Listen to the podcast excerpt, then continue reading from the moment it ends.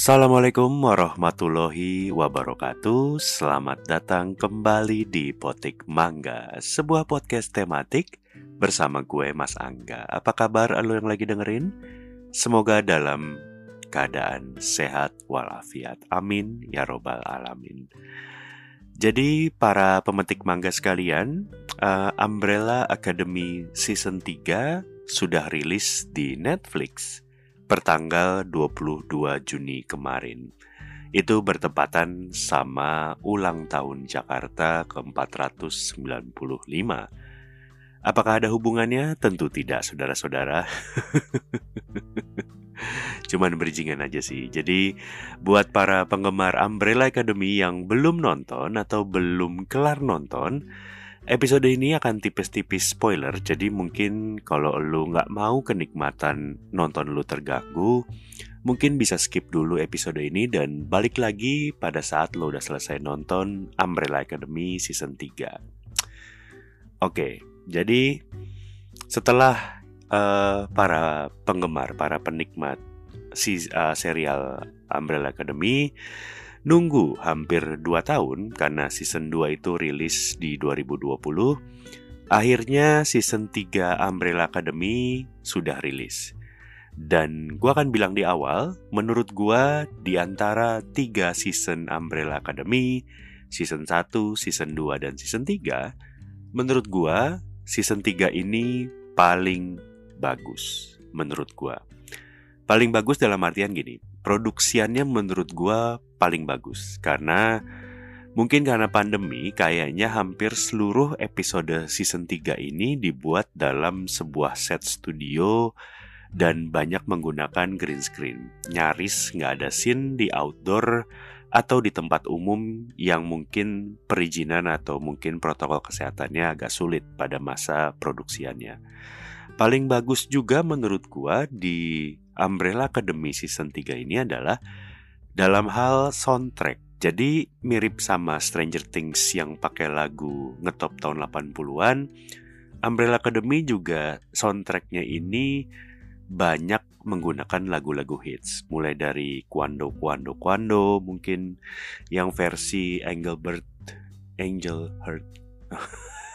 Kok gue lupa namanya tiba-tiba.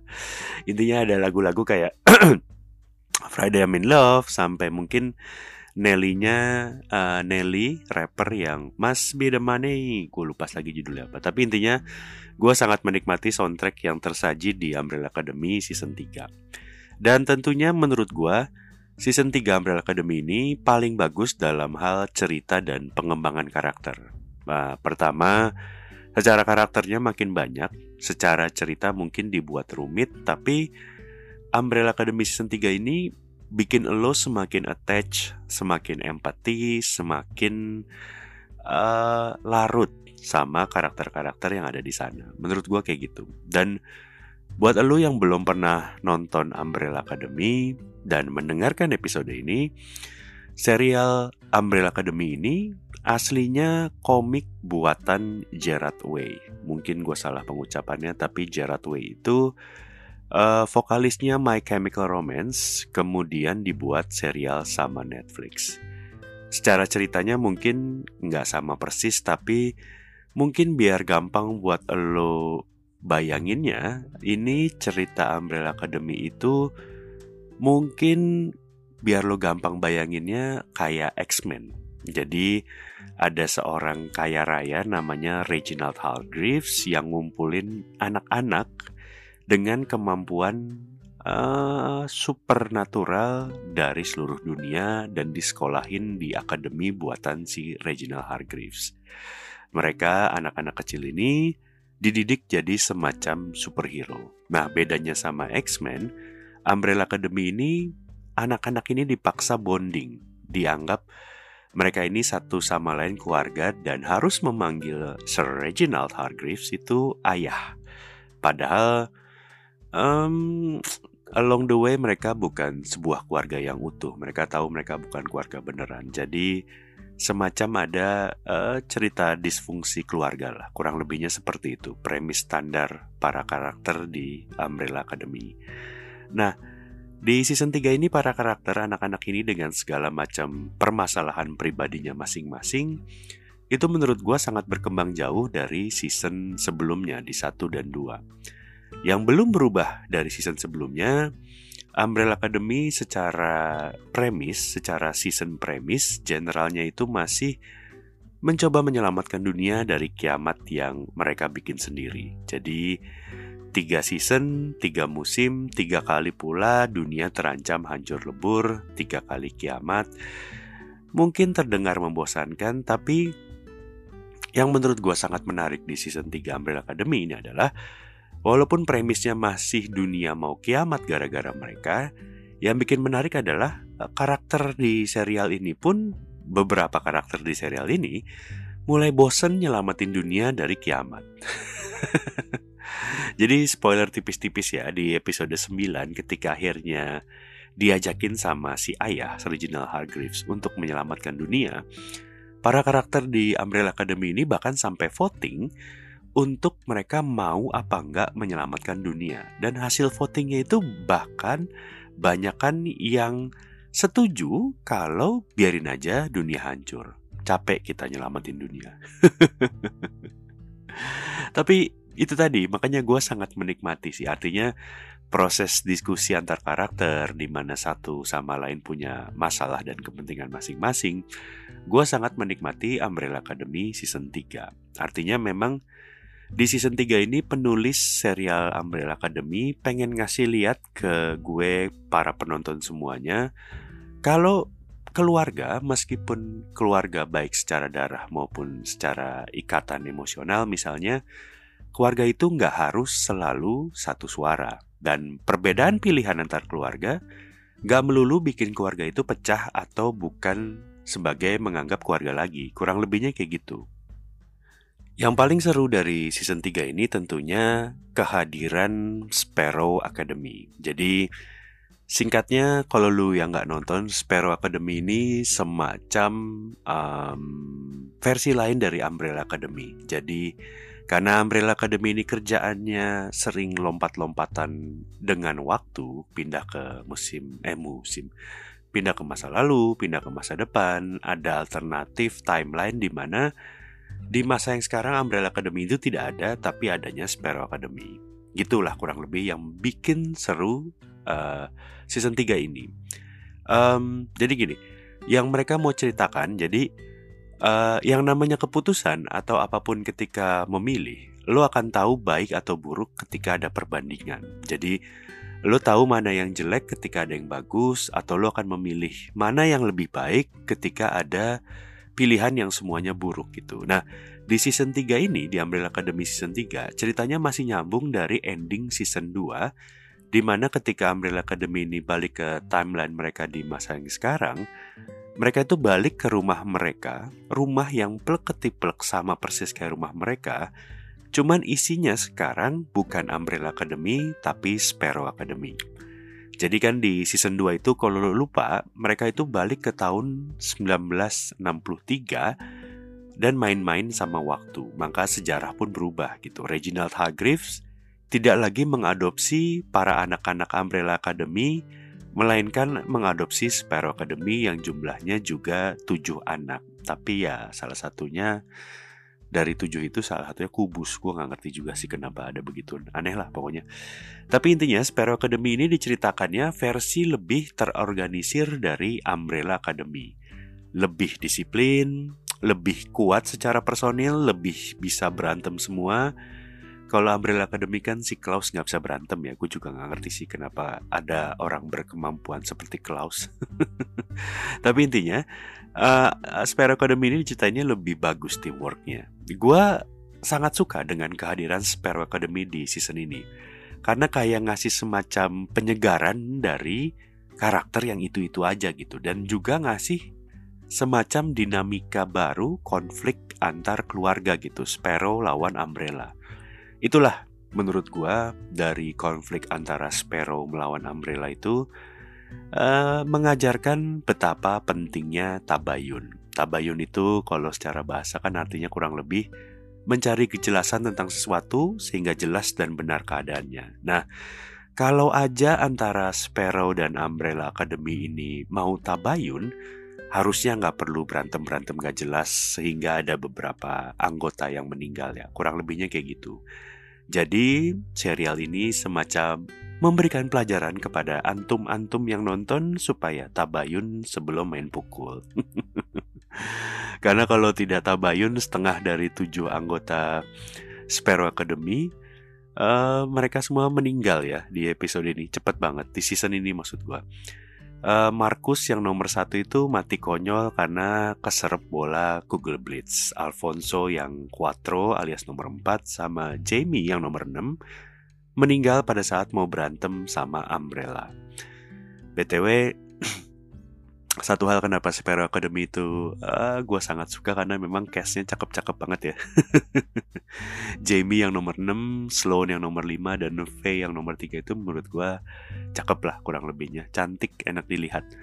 Jadi balik ke konflik antar keluarga ini juga bikin semacam adanya drama romantis ala Romeo dan Juliet. Romeo dan Juliet itu kan sepasang cowok dan cewek yang saling jatuh cinta tapi terhalang oleh perang keluarga. Dan di sini ceritanya Luther nomor satu Umbrella Academy dan Sloan nomor 5 Sparrow Academy akhirnya jatuh cinta dan happy ending sih dengan menikah. Tapi ya itu juga karena mungkin dunia udah mau kiamat, Sparrow udah tinggal dikit orangnya, maka akhirnya bisa terjadi pernikahan. Gak kayak Romeo dan Juliet yang dua-duanya mati. Tapi pasangan lain yang juga tercipta di season ini adalah lanjutan dari season 2 pasangannya di mana Diego, si nomor 2 Umbrella Academy, akhirnya beneran pacaran sama Lila. Lila itu kalau lo lupa di season 2 adalah bagian dari The Handler karena dia semacam anak angkatnya The Handler di mana orang tuanya Lila aslinya dibunuh sama Five yang disuruh sama The Handler supaya Lila bisa jadi anak angkatnya. Kurang lebihnya gitulah, rumit lah pokoknya cerita si Lila ini. Tapi Lila itu juga bagian dari anak-anak istimewa. Jadi baik Sparrow maupun Umbrella itu mereka punya kemampuan khusus karena mereka semua lahir di 1 Oktober 1989. Jadi bareng-bareng lah semua Umbrella dan Sparrow itu punya kemampuan buat uh, apa ya kemampuan masing-masing anak itu beda-beda. Gitu kayak X-Men gitu. Makanya mereka semua lahir tapi di satu tanggal yang sama. Si Lila itu juga bagian dari anak-anak istimewa itu tapi nggak ikutan antara Sparrow ataupun Umbrella. Dia kemampuannya mirip Mystic di X-Men di mana dia bisa meniru kemampuan super dari orang lain. Tapi bedanya sama mistik, uh, Lila mukanya nggak biru ya, dan juga nggak bisa berubah.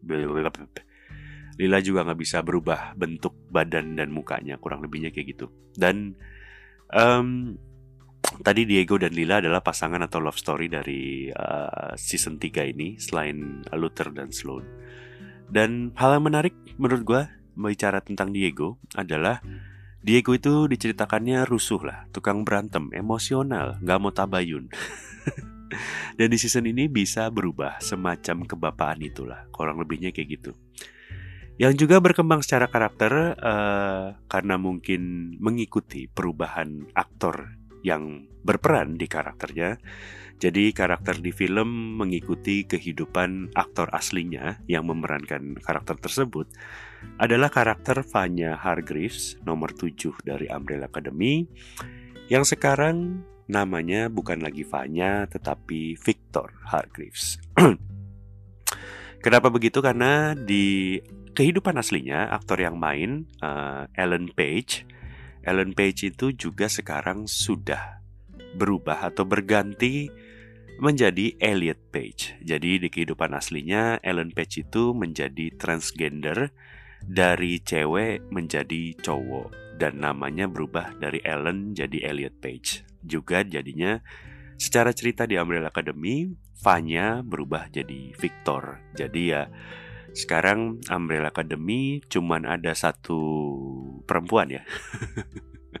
Allison sisanya udah jadi brother cuma ada satu sister sisanya cowok gitu makanya di awal uh, season 3 di episode 1 itu gue ngerasa agak kurang continuity ya kalau dibandingin sama season lalu gitu. Di awal-awal episode itu berasa banget kalau gue ngelihatnya Elliot Page pakai wig rambut panjang supaya masih inline sama season sebelumnya. Baru di tengah jalan akhirnya potong pendek uh, di episode 2 atau episode 3 gitu, potong pendek supaya dia bisa jadi Victor. Kurang lebihnya kayak gitu. Uh, ngomongin soal nggak continue juga di awal adegan di rumah itu di season 1 Eh di episode 1 tuh ganggu banget ketika Umbrella akhirnya ketemu Sparrow itu kan nyambung dari season 2 gitu ya. Nah itu rambutnya beda. Si Ben di ending season 2 Ben yang Sparrow itu rambutnya semacam emo gitulah pakai poni. Sementara di awal season 3 adegannya sama persis tapi Ben rambutnya udah nggak emo lagi. Menurut gua sih itu detail yang mungkin kalau lo yang ngikutin agak keganggu dikit kurang lebihnya kayak gitu. Tapi memang secara umum uh, mungkin itu hanya kesalahan kecil atau mungkin ya semacam memberitahu kalau memang episodenya beda di tag ulang jadi nggak sama persis. Uh, yang jelas tadi gue bilang di awal gue sangat menikmati Umbrella Academy season 3 ini. Salah satu yang paling gue nikmatin adalah ketika di episode 1 10 menit awal ada adegan di mana Sparrow ketemu Umbrella bukannya tawuran antar keluarga tapi malah adegan joget ala Glee dengan lagu Footloose. Menurut gue itu lucu banget dan gue yakin sih mungkin produksiannya sangat menyenangkan ya. Yang jelas menurut gue gini, Umbrella Academy itu menurut gue adalah salah satu serial original Netflix yang cukup bagus. Harusnya Umbrella Academy itu menjadi salah satu andalan Netflix. Tapi entah kenapa, gue ngelihatnya dari sisi marketing nggak seheboh Stranger Things. Padahal menurut gue, um, secara budget kayaknya Umbrella Academy produksinya lumayan gede. Walaupun pastinya nggak akan sebesar Stranger Things ya. Entah kenapa um, Umbrella Academy tidak dipublikasikan, tidak dimarketingkan, tidak dipasarkan dengan gencar seheboh uh, Stranger Things. Kalau memang kemarin abis-abisan di Stranger Things, mungkin waktunya terlalu dekat, bisa aja kan jadwal rilisnya dimundurkan atau bagaimana. Toh kan kita semua tidak ada bedanya mau tayang sekarang atau bulan depan atau dua bulan lagi, kurang lebihnya kayak gitu. Yang juga jadi indikator kalau mungkin uh, Umbrella Academy bisa jadi nggak terlalu dimarketingkan karena secara penonton nggak sebanyak Stranger Things di Amerika sono. Salah satu indikatornya adalah ketika Umbrella Academy season 3 ini nongol, 10 episode digelontorin semua. Nggak kayak Stranger Things yang dibagi dua atau bahkan Ozark aja dibagi dua seasonnya. Jadi ya mungkin aja nantinya Umbrella Academy bisa mendapatkan apa ya pemasaran atau marketing yang bagus. Karena menurut gue uh, lumayan oke okay lah um, Umbrella Academy ini uh, nggak uh, jauh banget kok dibandingin Stranger Things gitu. Kalau emang Stranger Things adalah uh, serial nomor satunya Netflix gitu.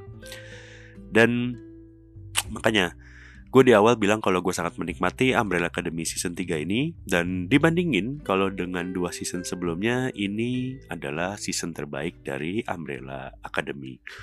Tapi ya Mungkin, mungkin aja nih kalau gua sotoynya menganalisis, menurut gua memang kelemahan Umbrella Academy dan mungkin ini yang bikin banyak orang, uh, ini yang bikin orang-orang jadi mungkin gak segitu doyannya sama Umbrella Academy. Menurut gua adalah Umbrella Academy itu suka bikin banyak loophole. Loophole itu teman-teman um, semacam scene atau cerita yang gak nyambung atau scene yang bikin lo mikir kok gitu sih adegannya atau ada hal yang janggal tidak kontinu atau tidak diceritakan sehingga lo mikir kok bisa gitu kok bisa begitu. Sementara buat lo yang mungkin cuek loophole itu cukup sekedar dijawab dengan ya namanya juga film gitu. Terima nasib aja karena nggak semua harus diceritakan detail. Tapi ya ini akan spoiler ya BTW buat yang belum nonton dan pengen nonton Umbrella Academy season 3 Sekali lagi gue kasih peringatan, warning gitu ya. Loophole yang gue maksud tuh kayak gini. Jadi waktu Klaus nomor 4 bisa masuk ke Oblivion Gue agak bingung kok bisa Karena harusnya meskipun Klaus nggak mati Klaus nggak bisa mati, ilmunya Klaus adalah Klaus nggak bisa mati. Klaus itu harusnya balik ke tempat awal di dunia seberang Oblivion, di Obsidian. Kok bisa dia masuk Oblivion? Harusnya dia di Obsidian dan mati, Obsidian dan mati gitu. Dia nggak bisa tembus ke Oblivion, menurut gua kayak gitu. Kemudian um, karena Umbrella Academy ini main-main dengan time travel, diceritain ada teori Grandpa Paradox. Grandpa Paradox itu adalah ketika ada teori di mana ketika lu misalnya kesel sama kakek lu, lu balik ke masa lalu buat ngebunuh kakek lu supaya lu gak usah berurusan sama kakek lu di masa sekarang. Tapi kalau lu bunuh kakek lu di masa lalu, maka akibatnya bokap atau nyokap lu gak pernah lahir Sehingga lu yang juga gak pernah lahir. Maka harusnya lu gak bisa ngebunuh kakek lu. Lalu siapalah yang bisa membunuh kakek lu? Tapi kurang lebihnya kayak gitu. Artinya apa namanya gak pernah diselesaikan gimana solusinya itu Grandpa Paradox. Karena harusnya di dunia yang sekarang anak-anak Umbrella Academy itu nggak nggak lahir karena nyokapnya keburu meninggal. Para nyokap-nyokap Umbrella Academy itu semuanya meninggalkan sebelum melahirkan anak-anak Umbrella Academy. Kurang lebihnya kayak gitu. Itu ya semacam loophole lah menurut gue. Juga gimana cerita misalnya katakanlah Five adalah founder The Commission, sebuah organisasi yang mengawasi timeline, mirip TVA lah kalau di serial Loki-nya Marvel. Cuman kita nggak pernah diceritain kok bisa Marvel, eh sorry kok bisa Marvel, kok bisa Five yang jadi founder The Commission. Kalau memang Five mendirikan Commission kok bisa nggak inget? Artinya kok bisa juga apa ya? Kok uh, The Commission ini bisa bisanya nggak tahu atau nggak ngasih tahu ke geng Umbrella Academy itu kalau Reginald Hargreaves itu alien. Terus Hotel Oblivion itu apa sebenarnya? Apakah itu pesawat bener balik ke planetnya Reginald? Ya loophole-loophole kayak gitulah. Kalau dari season 1 sampai season 2 diceritain mungkin loophole lebih banyak. Lo coba tonton sendiri sih. Tapi ya artinya apa?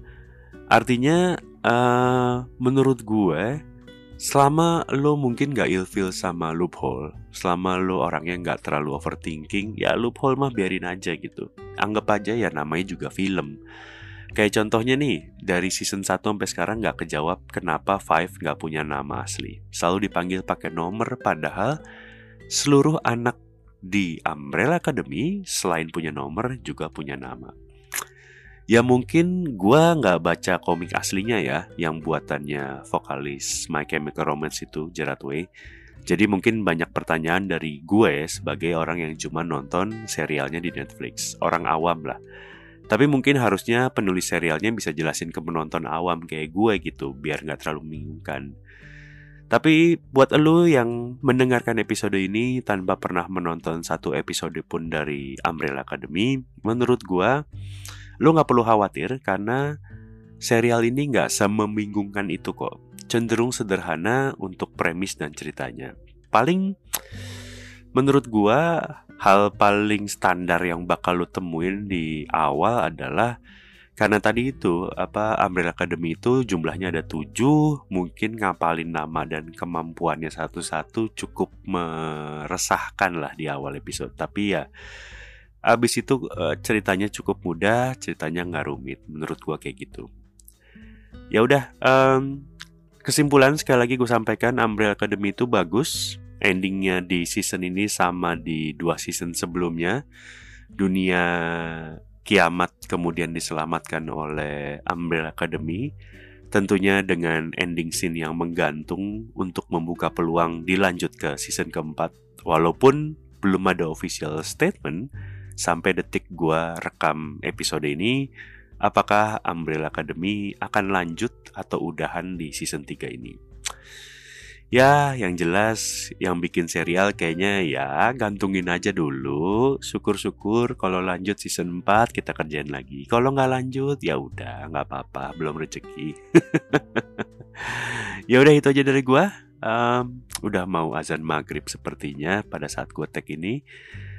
Terima kasih sudah mendengarkan Potik Mangga episode kali ini. Sampai jumpa di episode lain dari Potik Mangga. Assalamualaikum warahmatullahi wabarakatuh.